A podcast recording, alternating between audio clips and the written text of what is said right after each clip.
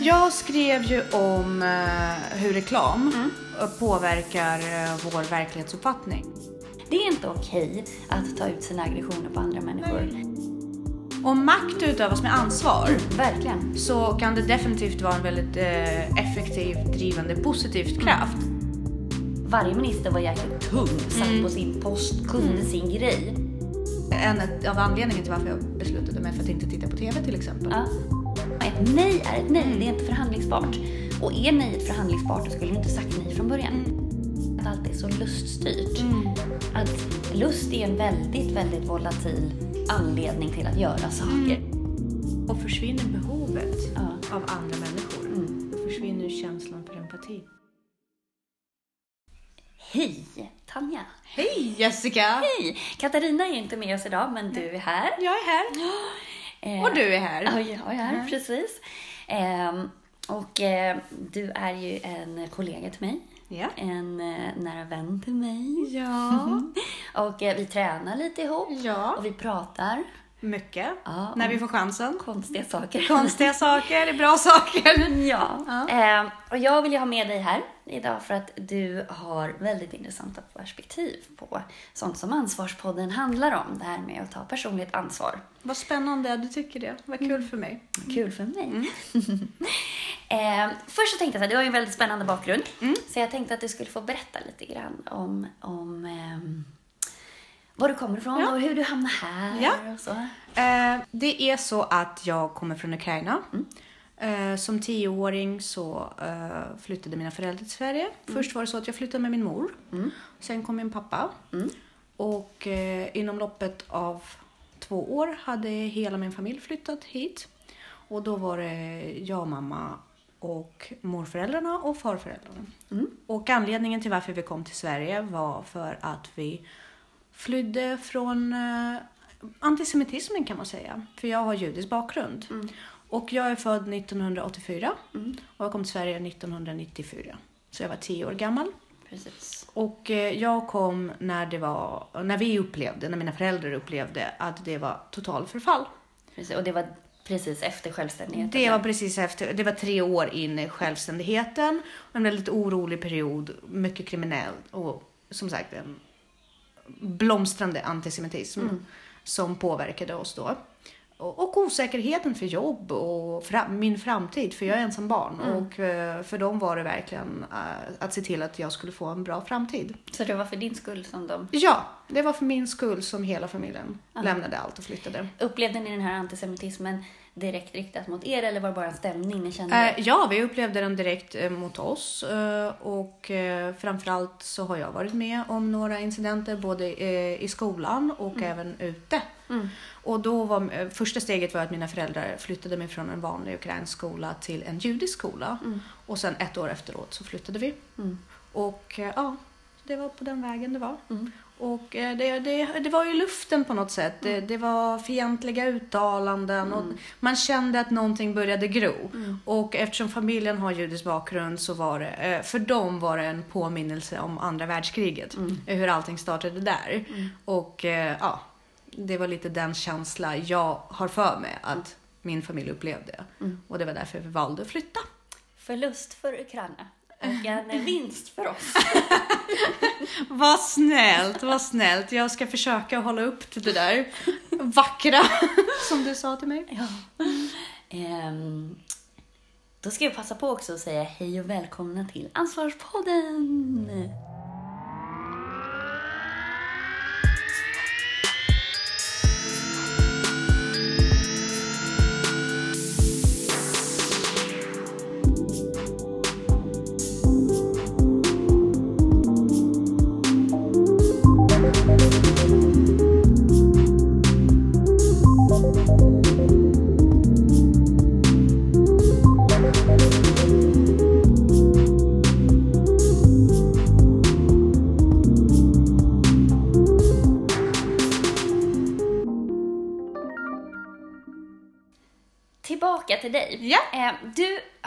Lite sådär socionomiskt intresse. Mm. Eh, och eh, du berättade förut att du också har skrivit en en väldigt intressant uppsats. Ja. Hur kom du på det området att skriva om? Jag skrev ju om eh, hur reklam eh, påverkar eh, vår verklighetsuppfattning. Och egentligen så handlar det om min syn på demokrati. Och att jag upplever att eh, reklam ute i offentligheten urholkar demokratin på något sätt. Därför att vi blir matade med åsikter utan att vi egentligen förstår att vi blir det och utan att kunna säga nej till det. Eh, och där startade det intresset. Eh, och då utgick jag ju från eh, Foucaults diskursanalys. Ja. Och det vet jag du... Ja, vi har faktiskt pratat om det tidigare i podden precis. också. Och där, eh, och framförallt Fra- Frankfurtskolan då, där man Mm. på något sätt, eh, där miljön skapar en verklighetsbild. Mm. Och d- d- vi vet ju alla att vi är bundna till normer och kulturer och sådär. Mm. Men just när reklam kommer in, det är, så, det är ett så stort område, med, det är så vetenskapligt, det är så Mm. mycket resurser som läggs på reklam. Så det makten, den kommersiella makten Mm. och eh, vetenskapen bakom den, den är så himla stark. Så det blir liksom lite en orättvis kamp Mm. för en vanlig individ att kunna se förbi och liksom varje, varje gång göra, gå igenom den analysen och bara Mm. Svårt att ta ansvar. Sva- Svårt att ta ansvar och just att hela tiden behöva analysera. Vill jag ha det här? Vill jag Mm. inte ha det här? När hela vetenskapen eh, kring det riktar sig mot att få dig att vilja saker. Ja men precis, spela på alla Ja, känslor. ja, och liksom. ja. Det är ju verkligen makt i sin, negativ, Ja, eh, sin negativa... Eh, bemärkelse, absolut. Precis. Ja. till skillnad från, jag är annars väldigt för makt. Alltså Mm. positiv eh, bemärkelse att man gör saker för att påverka folk, för att må bättre. Absolut, Det är absolut. väldigt mycket så, Och- eh, så som jag jobbar och Ja. tänker och, och sådär. Så att makt behöver ju verkligen inte vara Nej, negativt. om makt utövas med ansvar Mm, verkligen. så kan det definitivt vara en väldigt eh, effektiv, drivande, positivt Mm, kraft. Men i det här fallet så känner jag att det enda ansvaret som läggs där är Mm. tyvärr pengar. Och då, då påverkar det människor eh, på ett sätt som jag inte alltid nödvändigtvis tycker är korrekt. Eller Nej. om vi säger så, mer okorrekt än korrekt Ja, oftast. precis. Mm. Och, och det som triggade mig också var ju att eh, smarttelefonin Mm. fick ju så himla stark inflytande i både vuxna och, och ungdomarnas liv så himla fort. Mm. Och hela den eh, kommersiella då vågen, Mm. den följer ju med. Och då har den ju direkt ingång till din hjärna, hur Mm. den påverkar. Och eh, avståndet mellan dig och den här informationen, den har ju krympt. Mm. För den åker ju rakt in direkt eh, när du sitter och åker tåg och eh, första du gör på morgonen. Och eh, förmågan till kritiskt granskande Mm. och utrymmet för kritiskt granskande urholkas därför att utrymmet finns inte. Nej. Därför att du matas hela tiden på med nytt. För, förr i tiden när man läste en bok, då kunde man lägga ifrån sig boken och verkligen fundera på vad man har läst. Och den var inte heller direkt anpassad sitt innehåll Nej. efter dig. Det är som om en bok skulle ändra, storyn skulle ändras lite beroende på vem som precis, läser den. precis, precis. Och, och utrymmet fanns och man kunde gå och grubbla på Mm. det. Och man hade den här perioden, den här tiden att faktiskt bearbeta informationen. Mm. Nu får vi väldigt mycket information hela tiden. Mm. Men vi får inte så lika mycket utrymme att bearbeta den. Därför lägger den sig, det bara lagras Mm. och lagras och lagras och blir liksom en del av vår verklighet utan att vi analyserar. Mm.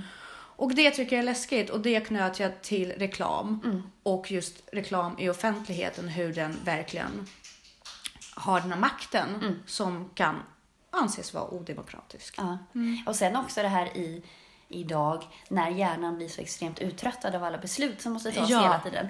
Så minsta lilla antydan Mm. på att här behöver du inte fatta ett beslut eller du får en åsikt levererad eller liksom en, någon som säger att det här är bra för dig. Då Mm. Lösning. tar man gärna det för man orkar inte det, det, fatta det är fler beslut.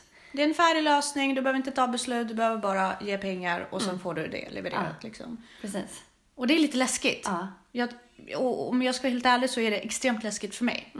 Personligt. Ja. Det är en sån jättestor faktor som jag ofta tänker på. Ja. Och är ett av besluten till varför jag... Eh, en av anledningarna till varför jag beslutade mig för att inte titta på TV till exempel.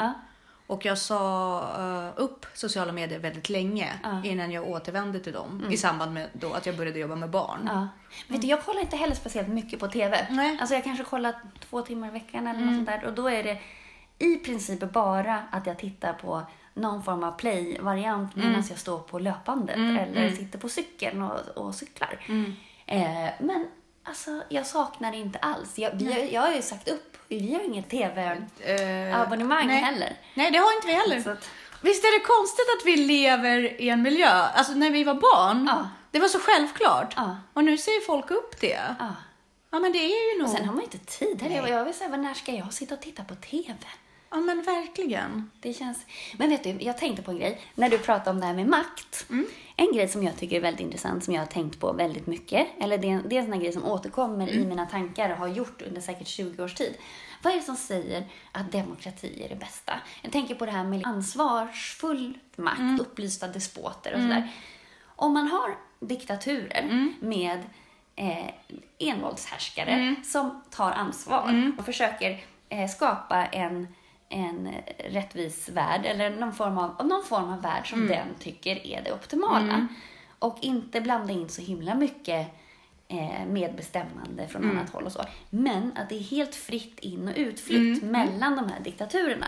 Så gillar man inte sin diktatur som man bor i så bara flyttar man till en annan diktatur. Som, man, som, Som man- passar Ja, en. precis. Jag inser ju att det här är lite utopiskt, för makt förvrider ju folk och sådär. Men, men just det där att, att faktiskt det finns färdiga lösningar som man kan välja själv istället för alla de här... Jag menar, jag kan inte säga att jag tycker att Sverige är optimalt bara för att det är en demokrati eller... Ja, men jag är väldigt benägen att hålla med Och dig det om behöver det. inte bli så bra bara för att folk röstar. Titta i USA. Liksom. Ja, Så att, eller i Sverige. Ja, ja jo, jo, men jag, jag, jag håller definitivt med dig om det. Och jag har ju också ifrågasatt, eh, är demokrati som den ser ut idag egentligen bara ett finare ord för anarki? För ibland känns det som det. Ja, ja men lite uppstyrd anarki. Ja, ja men alltså en fasad av att allting har sin gång Mm. och att allting har sin lösning och allting är uträttat liksom. Fast det är det inte. Nej, nej men det är bara en, ja, en fasad. Ja, Och att absolut. Det är inte riktigt... Vi har ju pratat om det här förut, om man tittar backar i historien och tittar på hur politiken såg ut för 30-40 år sedan. Om man tittar på Gunnar Strängs regering till exempel. Och där hade varje minister var jäkligt tung, satt på sin post, kunde sin grej. Titta på utbildningsnivån bland politiker idag kontra då.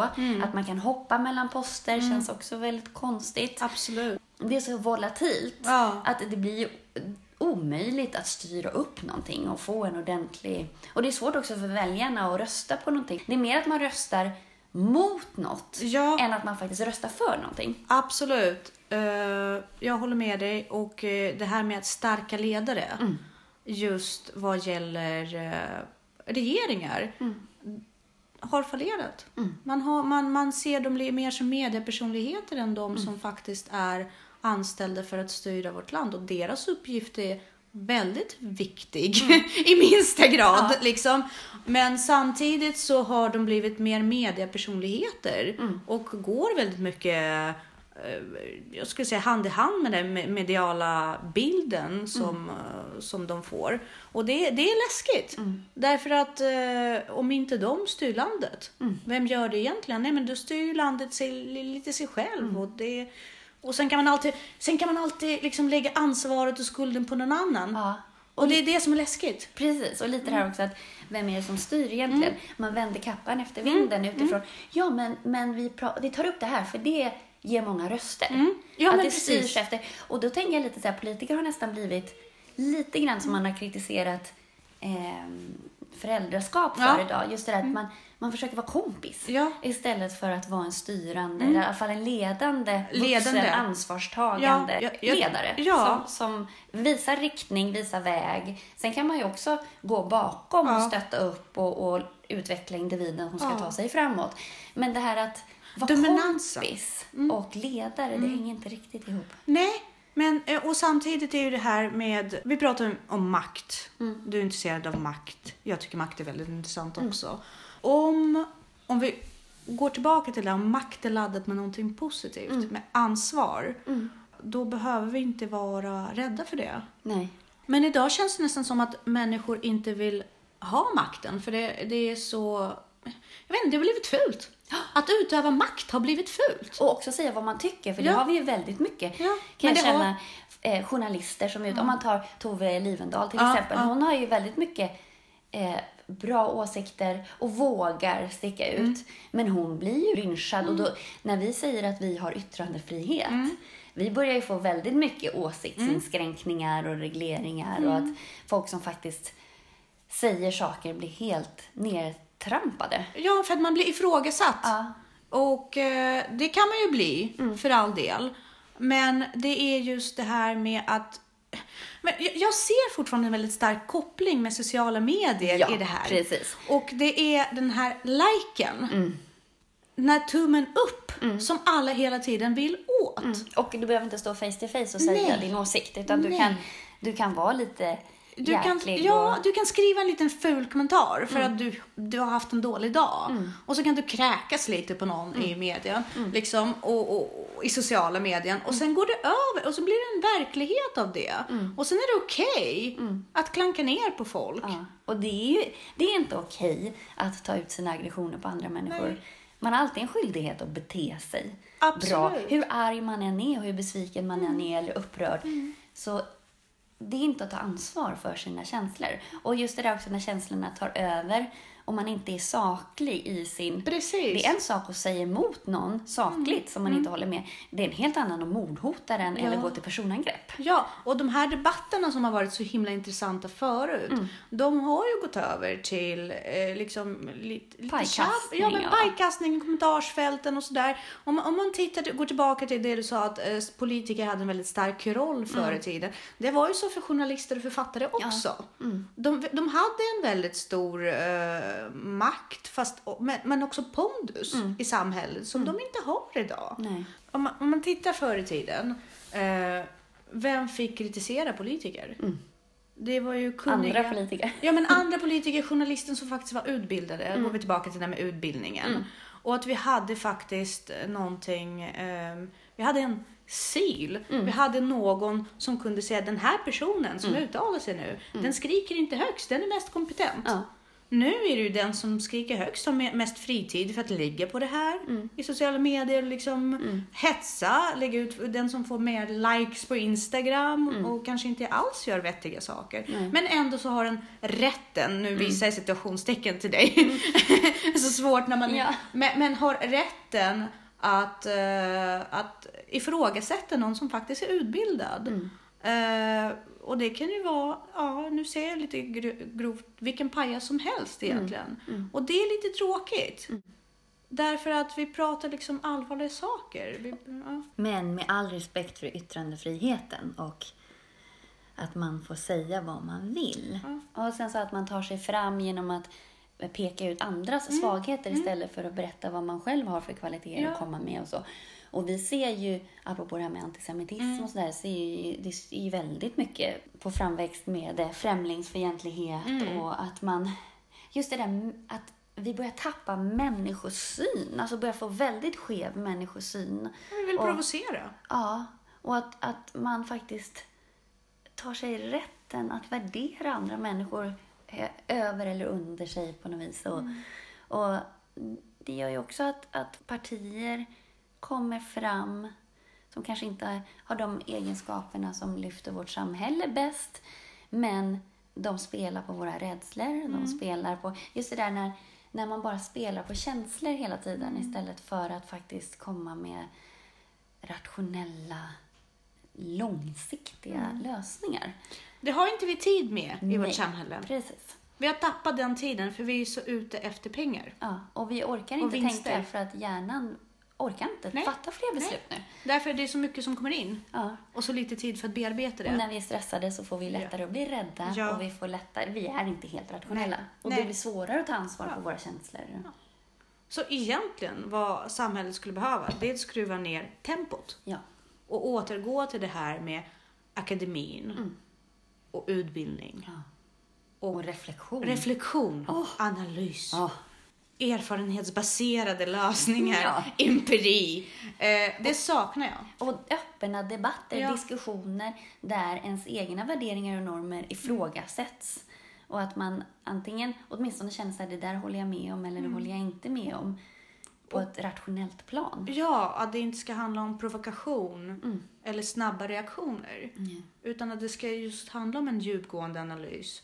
För att där tappar vi vår ungdom. Ja, Vi lär inte dem den analytiska processen. nej. Och det är läskigt. Ja. Det är väldigt läskigt.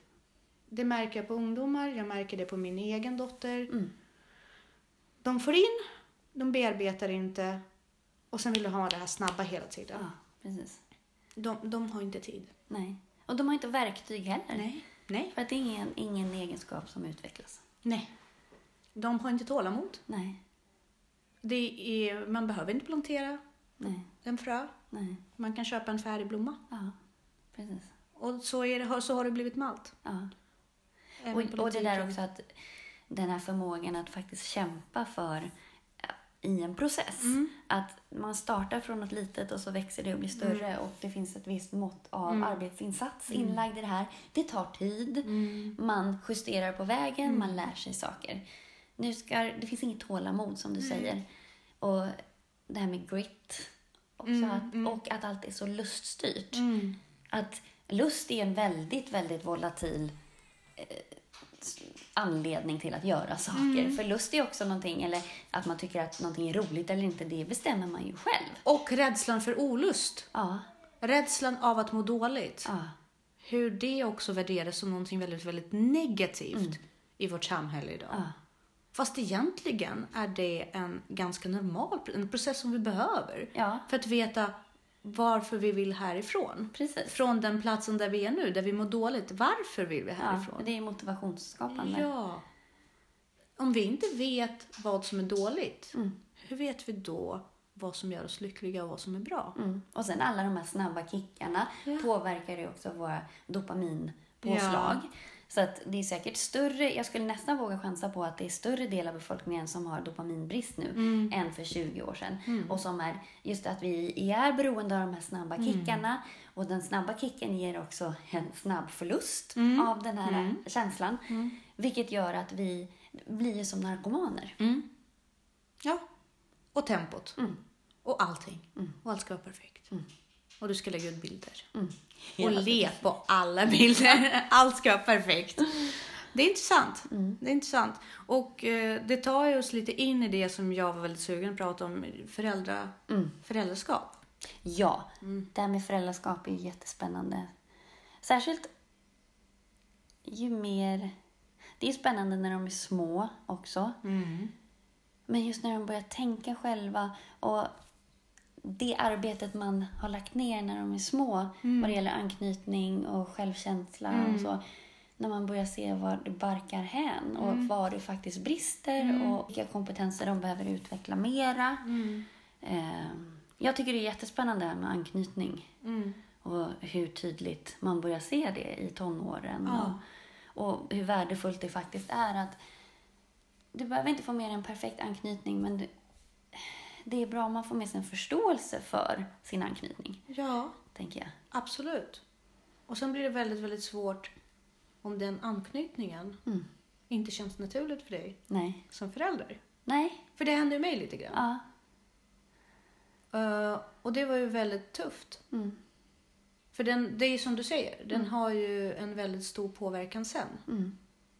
Och hur föräldraskap för- överhuvudtaget ifrågasätter dig själv. Mm. Hur stark man måste vara Ja. som individ. ja. Du behöver ju vara rätt, ha rätt hög integritet Ja, för att inte heller färgas av vad alla andra tycker och tänker. Utan man måste ju ha en ganska klar bild på hur man vill att det ska vara. Och också acceptera vilka är mina förutsättningar. Ja. Att, som jag till exempel, jag är inte... Jag, det är klart jag skulle kunna sätta på mig en mask och, och vara en lekande mamma på det sättet. Men, men det, är inte, det faller inte naturligt för mig och det märker ju mina barn också. Ja. Däremot är jag mer, liksom, jag gillar ju samtalet, jag gillar lugn, liksom aktivitet, alltså gå ut på, när vi är på landet plockar vi jättemycket blåbär eller ute i skogen och, och så. Och just att man inte värderar att någon aktivitet är bättre än en annan. För det är så himla lätt också att se så här, åh gud nu är de ute i skidspåret igen eller nu är de nere på fotbollsplanen igen och jag är en värdelös mamma. Istället för att bara, ja men vi bakade i förmiddags, sen har vi målat. Eller vi har suttit och diskuterat. Eller jag har inte skrikit på mina barn. Ja, det jag kan, liksom- Bara det känner jag är värt att lyfta. Åh, vi har varit en hel dag utan att höra rösten på varandra. Ja, och så här, vi får vara de vi är i vår familj och så försöker vi synka det så gott det går. Vilket gör att alla är relativt harmoniska. Mm. Istället för att man tar på sig en massa grejer som man egentligen inte hinner med. Och sen så blir man frustrerad och arg Mm. och så står man och skriker på sina barn. Eller att man bara mår dåligt. Mår dåligt. För att ingen blir ju glad om någon i, i mår dåligt för att den tvingas göra saker som den inte kan egentligen motivera eller... Och barn upplever ju sånt. Ja, ja. Verkligen. Och de vet ju Mm. när du blir irriterad som mamma. Även om du spänner på ett Ja. leende. Eh, så är det ju. Ja. För de är, de är så intuitiva. Mm. Och för mig är det väldigt viktigt, vilken Ja. ton man har mot varandra. Hur man, alltså vilken eh, energi Ja. som finns. Och då kan jag känna så här, för mig är det nog viktigare att kanske då vara en lite tråkigare mamma. Men att jag inte skriker på mina barn. Jag blir inte frustrerad. Jag finns här rent fysiskt. Ja. Sen så är inte jag i deras knä. Jag, jag är hemma. De har inte barnvakt varje kväll eller liksom så. Jo, att man ändå, att för mig är det viktigt att finnas där fysiskt. Mm. Eh, så att de kan komma till mig om de vill. Sen så vill jag inte vara i deras knä. Nej. Men att de vet att jag finns här. Ja, jag Ehm, tror att det är så viktigt. ja. Det är så viktig utgångspunkt att de ska veta att de kan ha friheten att utvecklas på egen hand. Men tryggheten av att veta att någon står bakom dem. Ja, precis. Och det kanske är, i mitt fall, på bekostnad av att jag inte står och leker affär med dem hela tiden. Eller ens leker med dem hela tiden. Fast allvarligt talat Jessica. Det, Jag har så svårt att tro att någon vuxen människa på riktigt tycker att det är roligt att stå och leka affär mer än fem minuter, kanske tio. Jag har väldigt svårt att tro det. Särskilt om man själv jobbar med barn. Ja, men det tror jag är en viktig grej Ja. faktiskt. För det är en sak om man har suttit på kontor en hela vecka. dagen. Eller hela, alltså hela, Ja. ja. men det är det man jobbar med. Ja. Eller man sitter framför en dator, man umgås bara med vuxna. Då är det klart att det är jätteroligt att göra lite jippo med barn och så. För det, är en hel, det är som jag tycker att det är jätteroligt att jobba med Excel. Ja. Eller göra så här. sitta- Jo, men Jo, alltså, jo men absolut, för du får eh, inte det i ditt jobb liksom, Nej. på samma sätt Nej, på vardagen. Liksom. Och det är det som är det, som, det man går igång på lite grann, kontrasterna och så. Sen kan man ju jobba med sin hobby och det är ju, väl, det är ju spännande. Eh, Jag jobbar ju delvis med barn så att det, är ju, det är ju absolut det är ju jättespännande. Men min dragning till det är ju den mentala processen och utvecklingen hos barnet. Det är inte primus motor för mig är inte leken, Nej. utan det är utvecklingen. ja.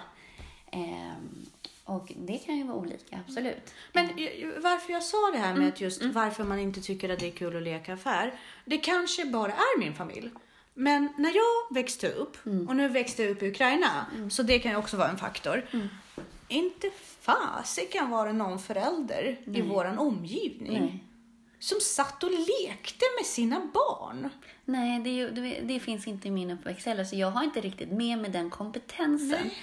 Eh, det är klart att någon vuxen ibland kunde få ett Ja, ryck. Absolut! Ja, ja, ja, absolut. Det var inte så att de hinner det. Nej, men det, ibland kunde men, de ju. Det Men... var ju sådär, mina föräldrar gjorde sina saker Ja. och vi lekte med vårt. Ja. Eh, sen kunde man ju få uppdrag att hjälpa till i trädgården eller Ja. så. Men de jobbade så mycket och när de inte jobbade så tog de hand om huset och de, det fanns ingen tid till att... Och familjeaktiviteter, för mig, då var det mer att alla var på samma ställe. Vi var på landet tillsammans, Ja. vi var i fjällen Ja, tillsammans. man var tillsammans. Ja, det var det som Ja, var grejen. ja. Men ja, sen så är det klart att man spelade spel Ja, någon gång och sådär. ja, ja, ja. Men det var ändå väldigt mycket på vuxenas villkor. Och, jag, Och vuxenspel. passade- Ja, Som man fick anpassa sig för. precis. Och det passade mig ganska bra. Ja. Jag har absolut inte lidit av det, men jag tror att jag är formad av det. Mm. Jag, är, jag har, ju- så att mitt naturliga sätt att umgås med mina barn Mm. är ju format av min uppväxt. Det är det vuxna sättet. Ja, Lite grann. ja, Det är på vuxnas villkor. ja, Och jag tror att det är rätt. ja. Eller så är det inte det. Jag, jag vet inte. Nej, men, eh, Jag tror att det viktiga är att, att man känner att det finns en harmoni i gruppen. Sen så får olika grupper lösa det som Mm. absolut. de vill. Men ledarrollen. Ja, Är den- det verkligen bra att ett barn tar ledarrollen? Det finns ju en anledning till att man inte är myndig förrän man är 18. Eller hur? Och då är min fråga, näst, min nästa fråga är så här. Om vi skapar, om vi går in i leken tillsammans med barnen på barnens villkor. Urholkar inte vi lite grann vår roll som ledare? Nu kanske det här är lite långdraget eh, och lite extremt och jag försöker provocera lite. Men jag har ju, utifrån sociala Ja, medier, har jag en bild av mammor som, eh, och pappor. Det har kommit mer och mer pappor. eh, Som liksom går in och, på barnens villkor. De, de, de har kul, absolut. De gör sig och liksom totalt åthällliga tycker jag. Eh, Men, men, men var är ledarskapet? Men är inte det att man vågar inte ta ansvar? Mm. För att om jag går ner då på ett barns nivå, då behöver inte jag ta ansvar. Ja. Utan då är vi, då leker vi, eller vi, vi då har ju jag gått ner, Mm. då är jag på en ungdomsnivå. Då behöver jag inte vara vuxen. Att det är så jobbigt att vara vuxen och faktiskt stå upp. Och, Mm. Ja. och för att kunna vara vuxen så måste du ju också ha ganska hög integritet. Mm. Och är du inte klar med vad du tycker och tänker och dina åsikter, hur känner dig själv, Mm. vet var dina gränser går, att du vågar stå upp Mm. för vad du tycker och tänker då är det ju väldigt obehagligt att ta en ledarroll för att en ledare kan ju också ifrågasättas. Absolut. Och som förälder, du ska ju ifrågasättas och barn knuffar ju och vill ju känna var väggarna står och flyttar väggen på sig hela tiden. Så har man ju Ingen trygghet. Ja, man har en jäkla uppförsbacke också som förälder. Ja. Så där måste man, ett nej är ett nej, det är inte förhandlingsbart. Och är nejet förhandlingsbart, då skulle du inte sagt nej från början. Så att man måste ju vara konsekvent och trygg i att vara en ledare. Och det tror jag inte att alla är. Nej. Så där, ja, man tror att man måste börja där. Att ha en tydlig bild av hur vill jag vara som förälder. Och då inte bara att det ska se bra ut. Nej. Att jag är mamman som sitter och sjunger med mina barn eller jag gör min egen barnmat. Utan jag gör min egen barnmat för att jag det är enklast för mig, för jag orkar inte gå och handla barnmaten. Inte för att grannen ska tycka att jag är en bra mamma. Eller att jag sjunger med mitt barn för att jag älskar musik. Inte för att grannen ska tycka att jag är en bra mamma. Utan att det måste... Det du gör med ditt barn ska du kunna motivera. Du gör det inte för att det är en show-off. Och då, för då blir det ju också väldigt ömtåligt. För då kan du inte försvara det du gör, för det är ju bara en teater. Ja. Och då vet du ju inte... Då måste du ju ha hela manuset. Och om du inte har skrivit manuset så har du ingen aning om vad som kommer sen. Så då blir det ju bara... Ja, Och att visa våra brister för våra barn. ja det är faktiskt jätteviktigt. Att faktiskt visa att nej men jag har gjort misstag. Och jag har misslyckats flera gånger för att nå det här målet.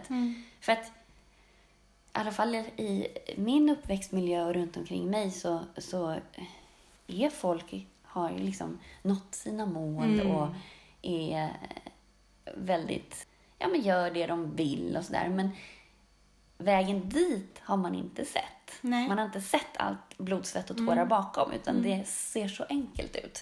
Och det tror jag man som barn behöver få med sig, att det är inte så enkelt. Och i sociala medier. Ja. Det ser så enkelt Ja, ut. precis. Man får leksaker. Mm.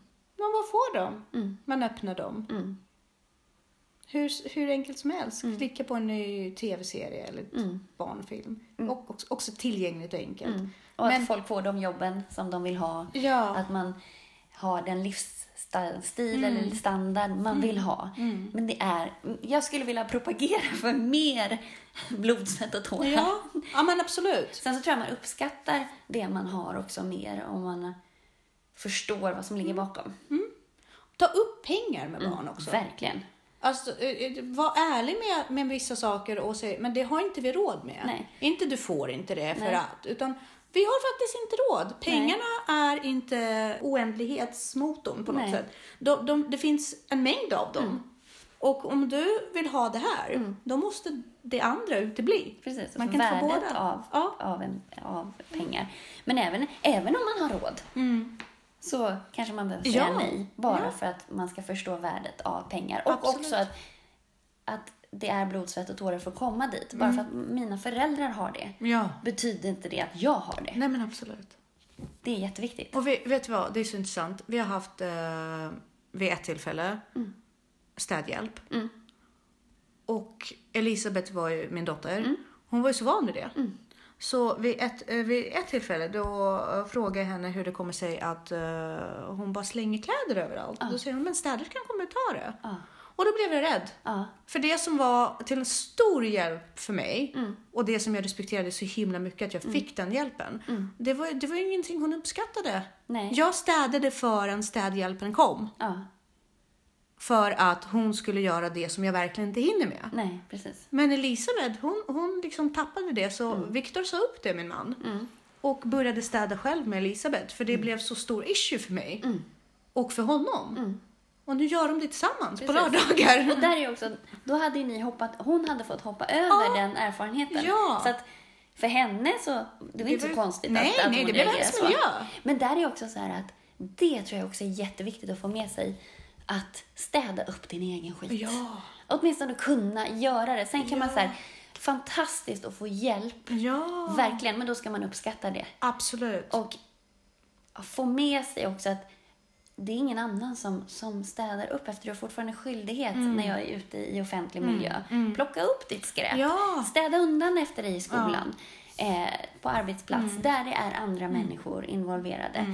Eh, att man inte tar för givet att någon annan gör det åt mig. Men där har skolan förändrat mig så himla mycket på ett väldigt positivt sätt. Mm. Jag, jag har faktiskt inga problem längre med att lyfta ett papper som ligger ute Nej. och kasta den närmaste papperskorgen. Nej. Jag gör det per automatik. Ja, och det är ju fantastiskt med de här nya rörelserna, plogging och Ja, liksom, ja. allt det här att folk faktiskt är mycket mer medvetna Ja. om att det är inte okej att slänga. Och nu, nu är du lite yngre än vad jag är, men på 60-talet sådär, om man var ute och, och campade Mm. eller hade picknick och så, då var det ju till och med offentliga alltså media Ja. som berättade hur man, att man kunde göra sig av med skräpet genom att lägga det i en kartong och lägga en sten i och slänga det i havet. Jaha! där, där lärde jag mig någonting Du har inte sett det? Ah, Nej, jag har inte sett något Nej. Ja. alltså, så att vi har ju, och då var det ju verkligen så här, släng det i naturen. Ja, ja, det, ja. det var till och med liksom så här, det är så man gör. Ja. Så där har vi ju kommit väldigt långt. Och Ja. just det här att man invol- det är ju ett sätt att involvera barn Ja. i samhället, att man går ut och plockar skräp Ja. och att man medvetande gör det. Så att där har vi ju kommit väldigt långt.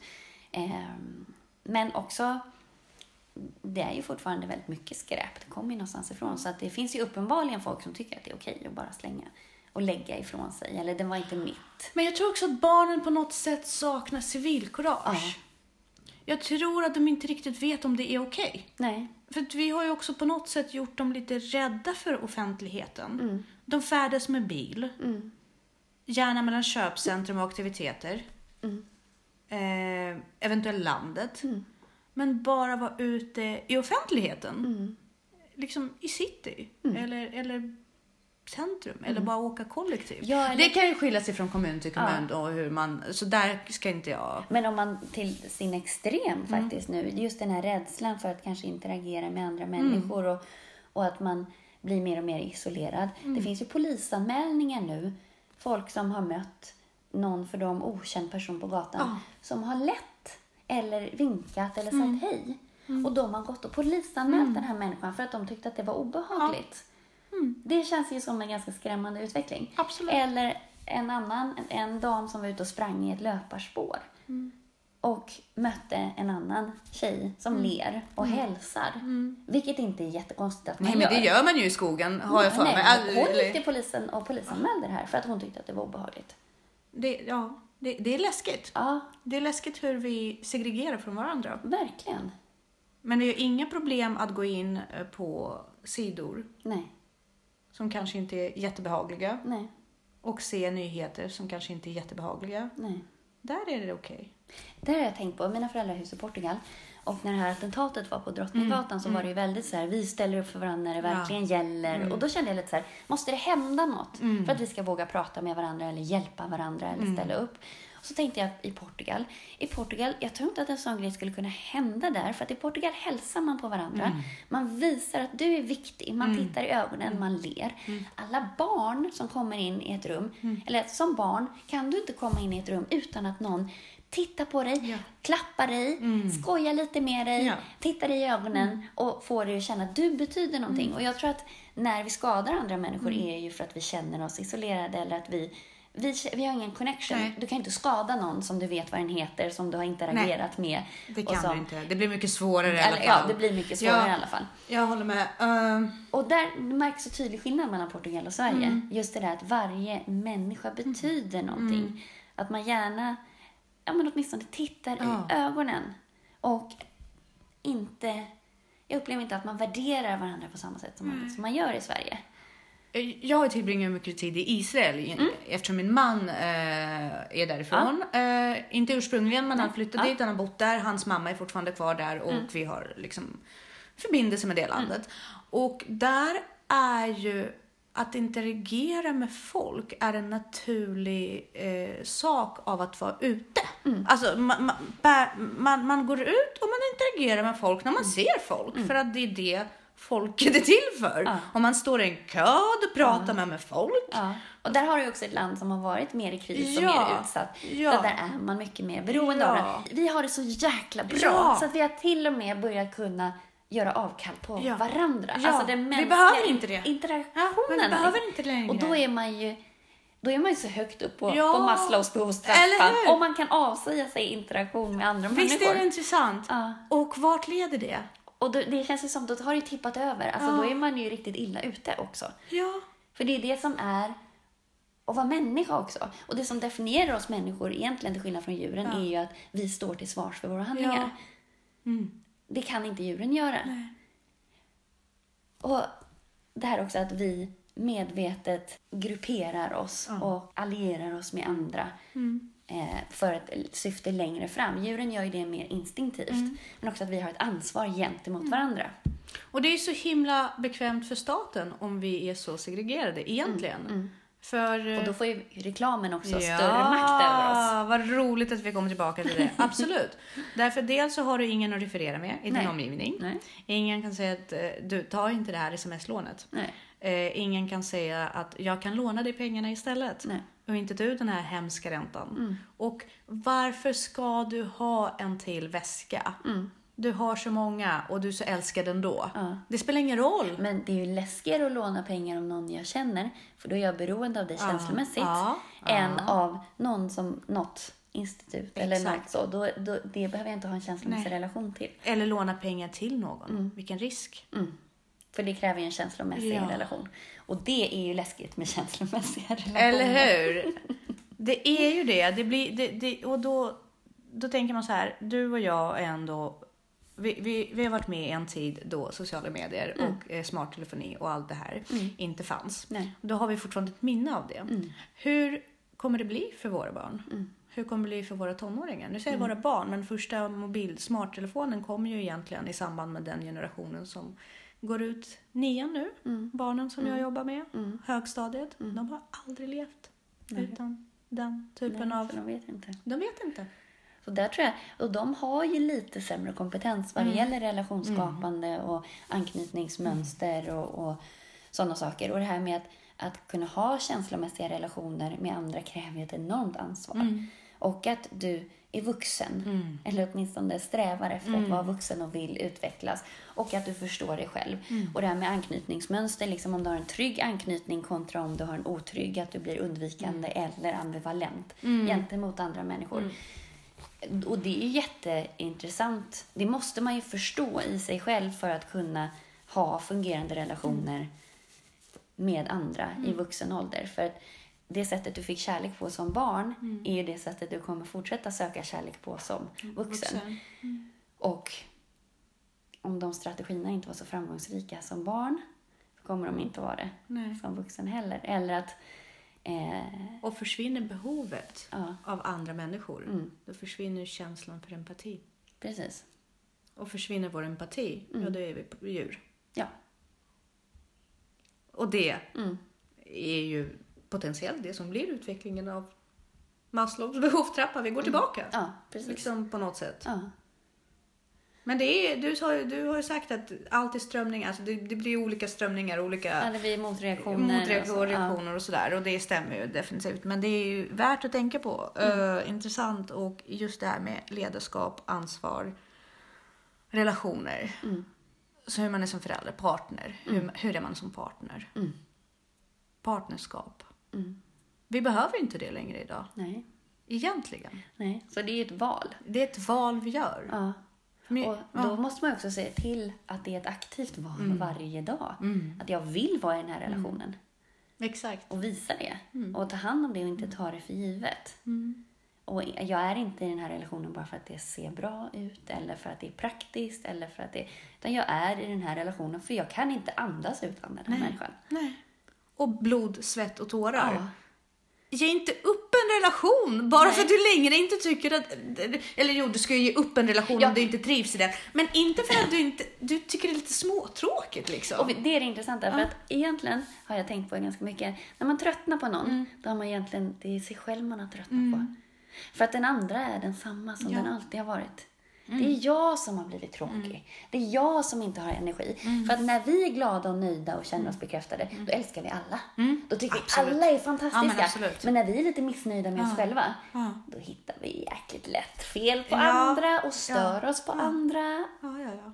och så. Så att det ligger hos oss själva och det är så otroligt viktigt att se det. Ja. Och ta sitt ansvar.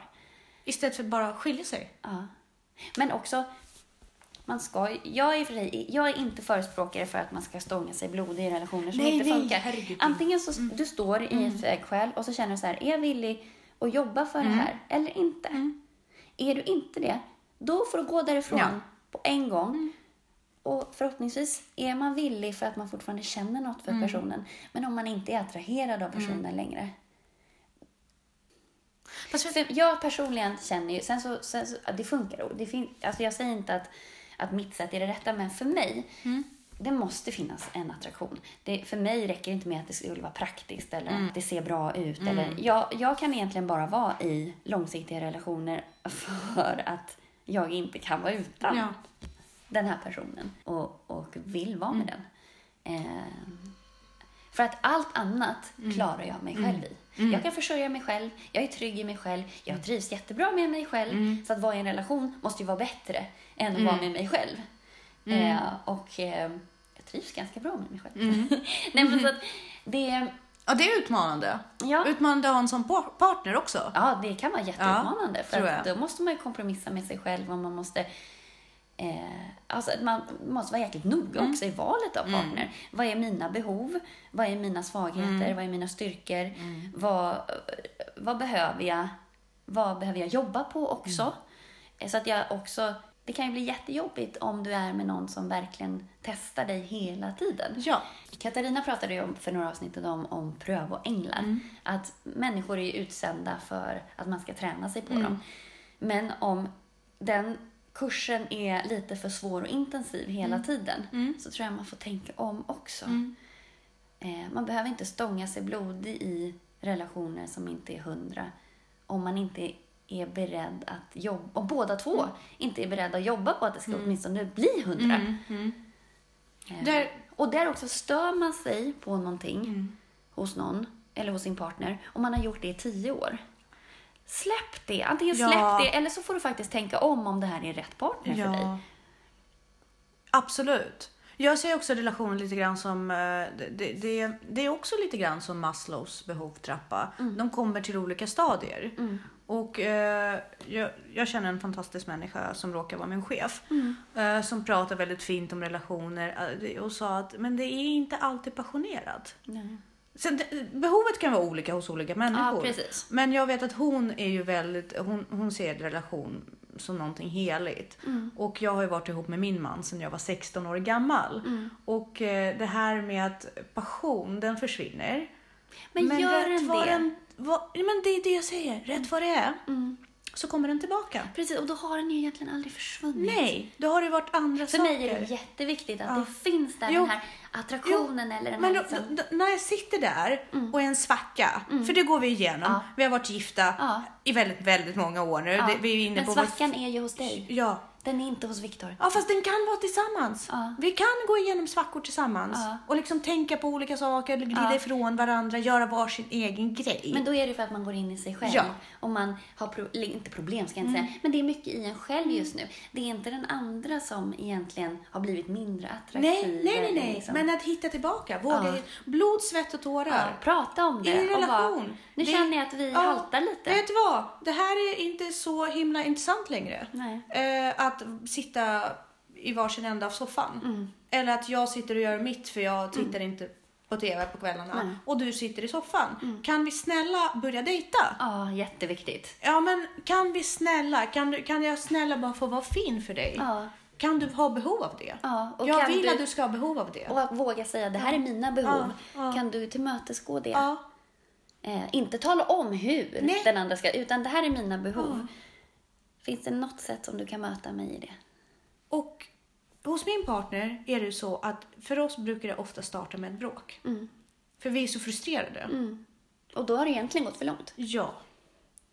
Men det är så. Mm. Det är för oss. men vi försöker och så. Men ja, som sagt, vi har varit ihop i 17 år. Mm. Eh, varit gifta i 14. Och eh, då, då blir det så att vi får jättebra... Eh, vi får en jättebra relation och sen så någonstans så tappar vi det. Mm. Och sen så sätter jag mig där och är jättemissnöjd. Och han ser att jag blir frustrerad. Och då kommer han och så säger han, vad är det? Och då säger jag allt som är fel. Allt som är fel med allting. Och sen börjar vi liksom mala igenom det och så kommer det ner till att jag känner mig inte bekräftad. Nej, precis. Det är vara- oftast det. Ja, jo, men, men ja. Och jag hittar inte alltid tillbaka till det. Alltså, Nej, jag själv. ser inte alltid det. Nej. Även efter så många år. Förrän jag har gått den här vägen Nej. igen. Jag gör det, men jag är så ärlig mot mig själv. Att Ja, och jag, det jag vågar gräva vidare liksom. Ja. Och du har hög integritet. Det får jag hoppas. Ja, men också det är ju så himla viktigt att kunna sätta ord på sina känslor och definiera dem och våga s- prata om det. Men sen tror jag också att, att man har något sånär liknande syn på ma- vad man vill få ut av relationen. För att annars kommer man alltid gå runt och störa sig på att man tycker att den andra jobbar för mycket eller att den andra är alldeles för stökig eller att den andra eh, inte är tillräckligt passionerad eller att eh, den andra bara bryr sig om trygghet och lugn. Att i en relation är det ju bra om, om jag tycker att passion är väldigt viktigt så är det ju bra om jag dejtar någon som också tycker att passion är Ja. viktigt. Om jag tycker att ordning och reda och eh, yta ska jag inte säga, men liksom ordning och reda och trygghet är viktigt. Då är det ju bra om jag dejtar någon som är likasinnad. Men om en vill bara tycka att det är jätteviktigt med connection och eh, passion och den andra tycker det är viktigare att hålla ordning på saker runt omkring och att det är, ja, men att det är ordning och reda. och Så. Då blir det ju en, en, då kopplar man ju inte. Och då kommer det ju verkligen uppstå frustrationer för att man, man kan inte möta varandra i behoven. Nej. För mig är en jätteviktig grej att man sover i samma säng till exempel. Det är jätteviktigt för mig vad det gäller att man kopplar och att man känner kontakt. För jag tankar så otroligt mycket känslomässigt. Eh, sen så behöver inte jag ha full kontroll på vad den andra gör på dagen eller att liksom så. Eh, Men, men att sova tillsammans. Ja. Och gör jag inte det eller blir det liksom, brister det där, då, känn, då, får jag, då tappar jag. Det är som om liksom linorna lossnar lite grann. Eh, men om man inte är sån, då förstår man inte vad jag pratar om. Eller så gör man det. För Victor har verkligen varit min pröväng. Ja, Han, han har verkligen varit det. För att vi, vi har ju väldigt få gemensamma intressen. Ja.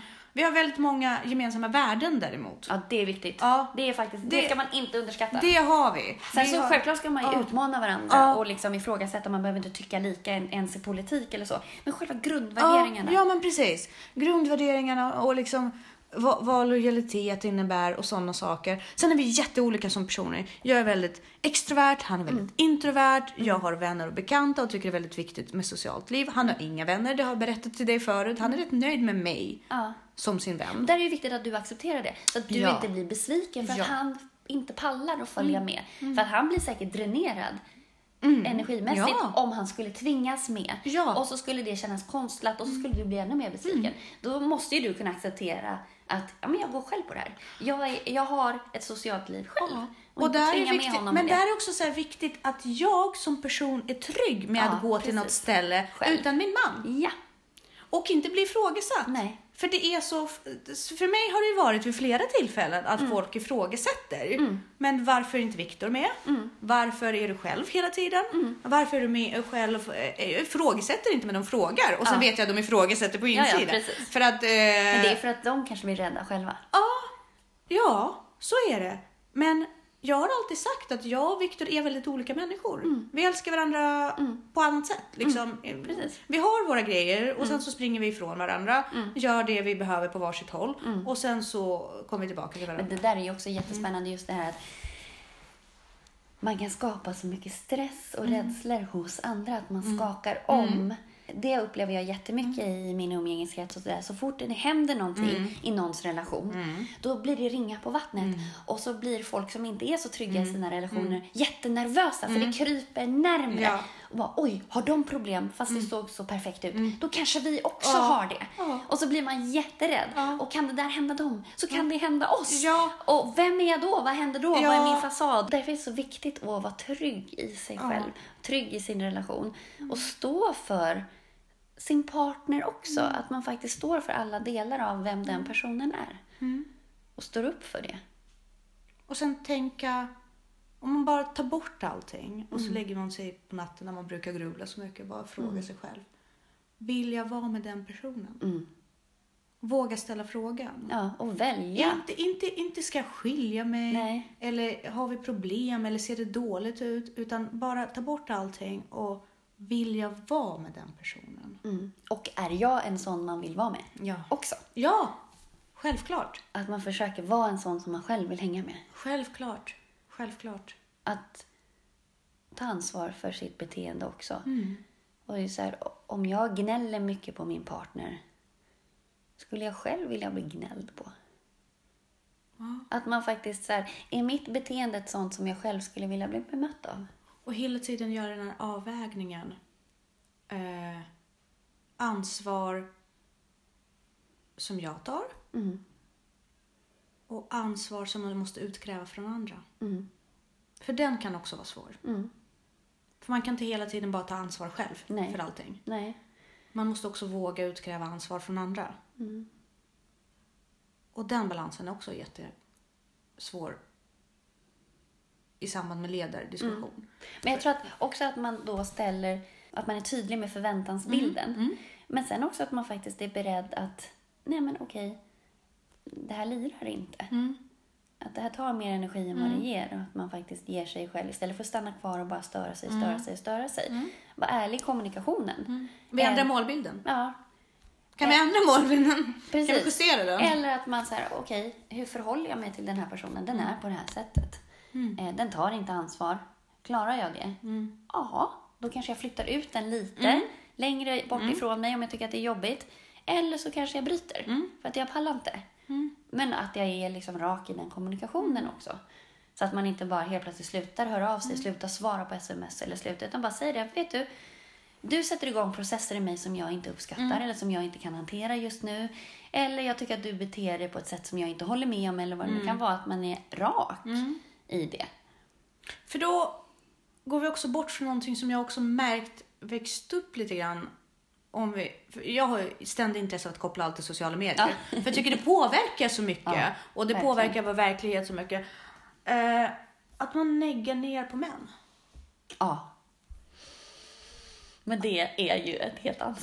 Det är ett helt avsnitt för Ja. sig. Jag har kommit fram till att jag är särartsfeminist. Vill du förklara? Ja. eh, skillnaden på eh, likhetsfeminist och särartsfeminist. Likhetsfeminist är väl det vi är vanast vid. Att man tycker att eh, män och kvinnor Mm. är, ska vara lika. Eh, Särartsfeministerna ser ju mer till att det här är ett, ett, begrepp som jag nyligen har hittat för att jag har inte kunnat identifiera mig med Kan, feminism kan överhuvudtaget. det vara skillnadsfeminism? För jag brukar använda skillnadsfeminist. Jag tror att det är samma man, sak. man, Särartsfeministerna erkänner att män och kvinnor är olika. Ja, det. Men ja. det som är problemet är att vi värderar Mm. det olika. Likhetsfeministerna vill ju, eh, de ser inte problemet i värderingen Mm. utan de ser problemet i att vi är olika. Mm. Att vi ska inte vara olika. De har döpt om det alltså? Ja, Till särartsfeminism? precis. Där ser, man, problemet är normerna och värderingarna Mm. i samhället.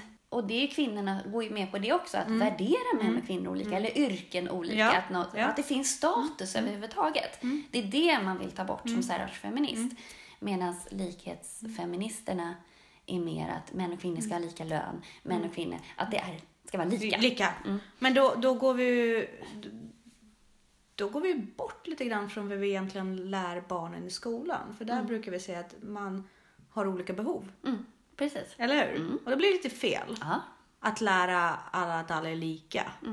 Och, och att kvinnor och män är lika. Eller hur? Det är intressant. Ehm, Jag kom ju i kontakt med det du eh, kallar för särartsfeminism.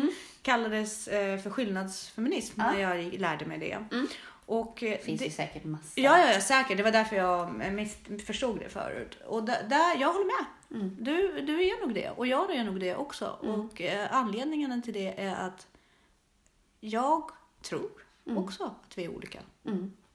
Vi är byggda olika. Ja, jo, men vi har olika kvaliteter. Vi är biologiskt olika. Ja. Vi, är med, vi är olika lämpade för olika Ja. saker. Om vi säger så här, att vara brandman till exempel. Det krävs... Alltså män är bättre Ja. lämpade för att de är starkare. Ja. Det krävs att du ska kunna bära ut en 80 kilos människa från två våningar. Alltså, Ja, men det handlar inte om att nedvärdera dig som kvinna. det är bara att just det Ja. Mm. jobbet är vi som kvinnor biologiskt kanske inte optimalt. Det är klart att vi kan få vara brandmän Ja. och att man kanske ger oss, då får vi gå in på de ställena där vi passar bättre. Eh, men att det finns regler och så här, de här grejerna ska du klara för att bli brandman. Det är inte segregerande eller Nej. diskriminerande på något sätt. Nej, men jag- det, arbetsuppgiften kräver det här, det är inte så konstigt. Nej men om mitt hus brann och min dotter var fast, Ja. då skulle jag skita fullständigt i om kvinnorna, om kvinnorna har sina rättigheter på riktigt. Ja, men du vill du vill ha en som kompetent bära- person Ja. som klarar av det. Att bära ut. Och råkar det vara att män är byggda på det sättet så Ja. är det så. Men att yrket i sig värderas mer i samhället Ja. än säg sjuksköterskor. Precis. Där kan man ju fråga sig lite. Ja. Precis. Det är intressant. Ja.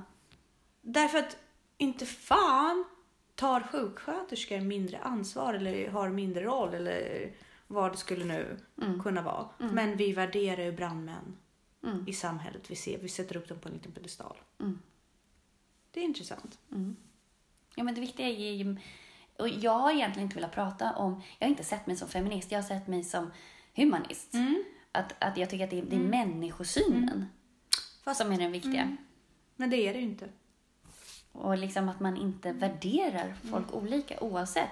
Och just feminism i sig handlar inte bara om män och kvinnor. Det handlar Nej. ju om alla. Ja. Minoriteter och Ja, alltså man det är liksom... ett sätt att tänka på. eh, Och det, är en väldigt viktigt sätt att tänka på. Just eh, att uppmärksamma skillnader mellan oss. Mm. Behöver inte vara något negativt. Vi behöver inte vara lika. Nej, precis. Så länge vi är lika mycket värda. Ja, precis.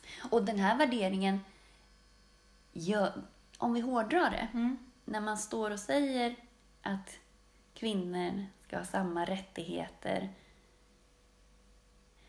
har man inte egentligen gått med på att man faktiskt värderar kvinnor sämre? Jo. Att man istället för att bara... Jag hade en diskussion häromdagen. Där jag har aldrig någonsin upplevt att någon har behandlat mig illa för att jag är kvinna. Aldrig. Däremot så har jag tänkt när folk har behandlat mig sämre eller liksom illa på det sättet att den personen har en, en konstig människosyn. Jag, har inte sett, jag har inte sett det som att det är för att jag är kvinna. Och när folk säger så här, det, det hade aldrig hänt dig om du inte hade varit kvinna. Vet du, det hade aldrig hänt mig om inte den personen hade haft en skev människosyn. Det har ingenting med att jag är kvinna att göra. Det har med att den personen har en konstig människosyn. Ja. Absolut. Så när man säger att det är för att jag är kvinna, då har man ju gått med på Mm.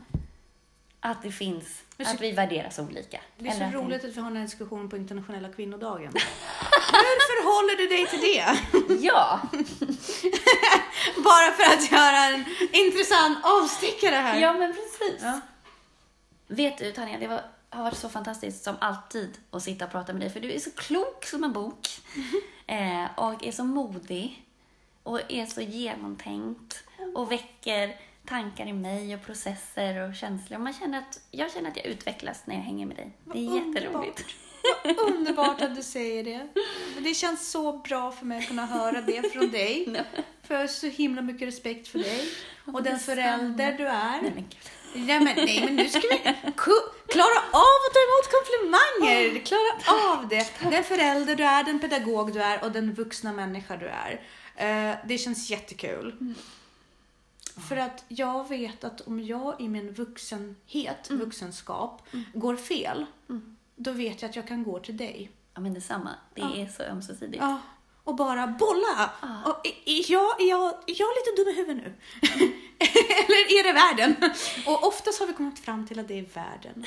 Och skylt ifrån oss. Och skjut ifrån oss så snyggt! Nej, men du har en egenskap också att du är, samtidigt som, som du är, är ju provocerande i dina åsikter så är du ändå ödmjuk. Du är ju inte i grunden dömande på något sätt.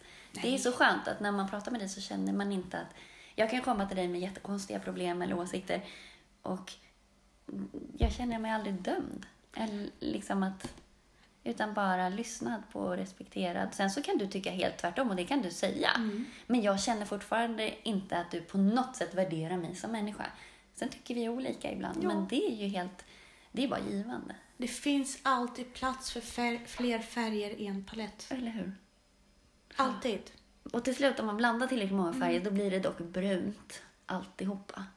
Så att man, ehm, och med det så menar jag att, Vi behöver inte vara lika. nej, Vi behöver inte gå ihop. men jag menar också om, om, ens ramar är lite skeva, så man blandas helt. Ja, men precis. Då blir det lite brunt. Vi behåller Olika våra ramar. nyanser av brunt. Ja, och det är det som ansvar Lite handlar om. beiga kuddar. Nej, men att behålla sin färg är Ja, det ansvaret precis. handlar om. Verkligen. Behålla sin färg som människa. Mm. Ut, breda ut paletten istället för att göra den samma. Precis. Och brunbeige. Ja. Ja. Ja, men vi har ju pratat om makt. Vi har pratat om Foucault, som vi båda tycker väldigt mycket om. Ja. Makt och diktatur, makt och ansvar, eh, reklam Mm. och relationer, Mm. Tonåringar, föräldraskap, anknytning. Vi avhandlar ganska mycket. Det har vi gjort. Ja, Det har vi gjort. Det har varit väldigt trevligt. Och så inspirerande. ja men supermysigt. Och eh, jag hoppas att du vill komma tillbaka fler gånger. skulle jag gärna vilja göra och jag vill passa på att tacka dig för att jag fick. För det här har varit Det en jag underbar tackar. upplevelse. Då säger vi tack och hej från Ansvarspodden. Hej då! Hej då!